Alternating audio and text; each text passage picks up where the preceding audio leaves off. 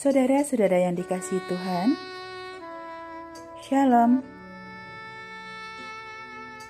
Program Gembala Menyapa dari GKJ Kota Gede Yogyakarta hadir dengan firman Tuhan dari kitab Mazmur 110 ayat 1 sampai 6. Renungan kali ini diberi judul Berlatih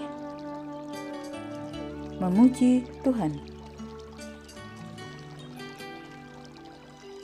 Pujian biasanya diberikan karena sesuatu yang dimiliki orang lain, entah karena keberhasilan, tampilan fisik, atau karena kualitas pribadi yang dimilikinya. Kita merasa takjub, memberikan apresiasi, atau ingin melihat pengulangan kemunculannya. Misalnya ketika si bungsu menolong kakaknya, sang ibu memujinya supaya ia terus melakukannya. Pujian juga menyatakan terima kasih sebab sudah menerima akibat dari kualitas yang dimiliki orang tersebut. Contohnya, ketika seorang pengemudi taksi mengembalikan dompet penumpangnya yang tertinggal. Jadi pujian sering kali menjadi sebuah akibat dan sifatnya bukan proaktif. Inilah yang menurut saya juga menjadi pola dalam memuji Tuhan. Kita memuji Tuhan setelah menerima akibat dari kualitas Tuhan, yaitu berkat.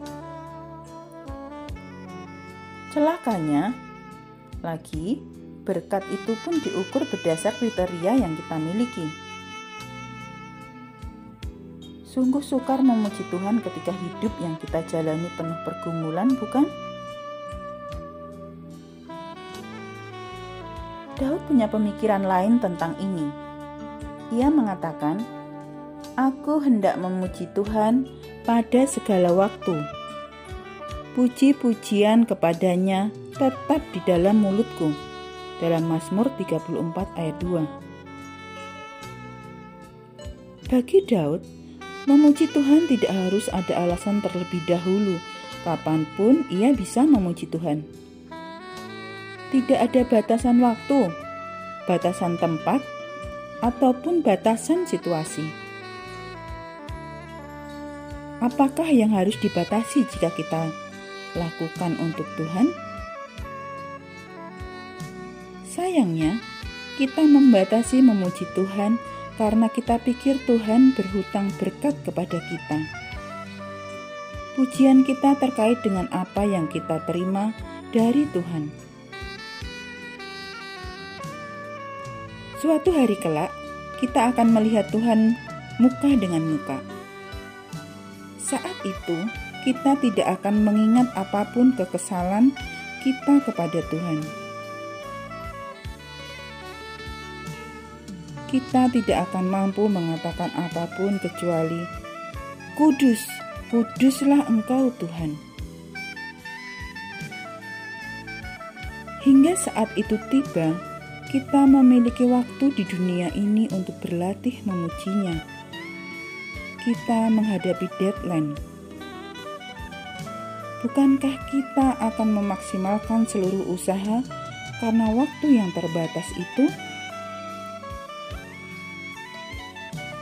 Mazmur di atas mengatakan bahwa yang hidup memuliakan Tuhan. Jadi selama kita masih bernafas, pujilah Tuhan, apa pun kondisi kita. Sebagai ciptaan, kita wajib memuji Sang Pencipta.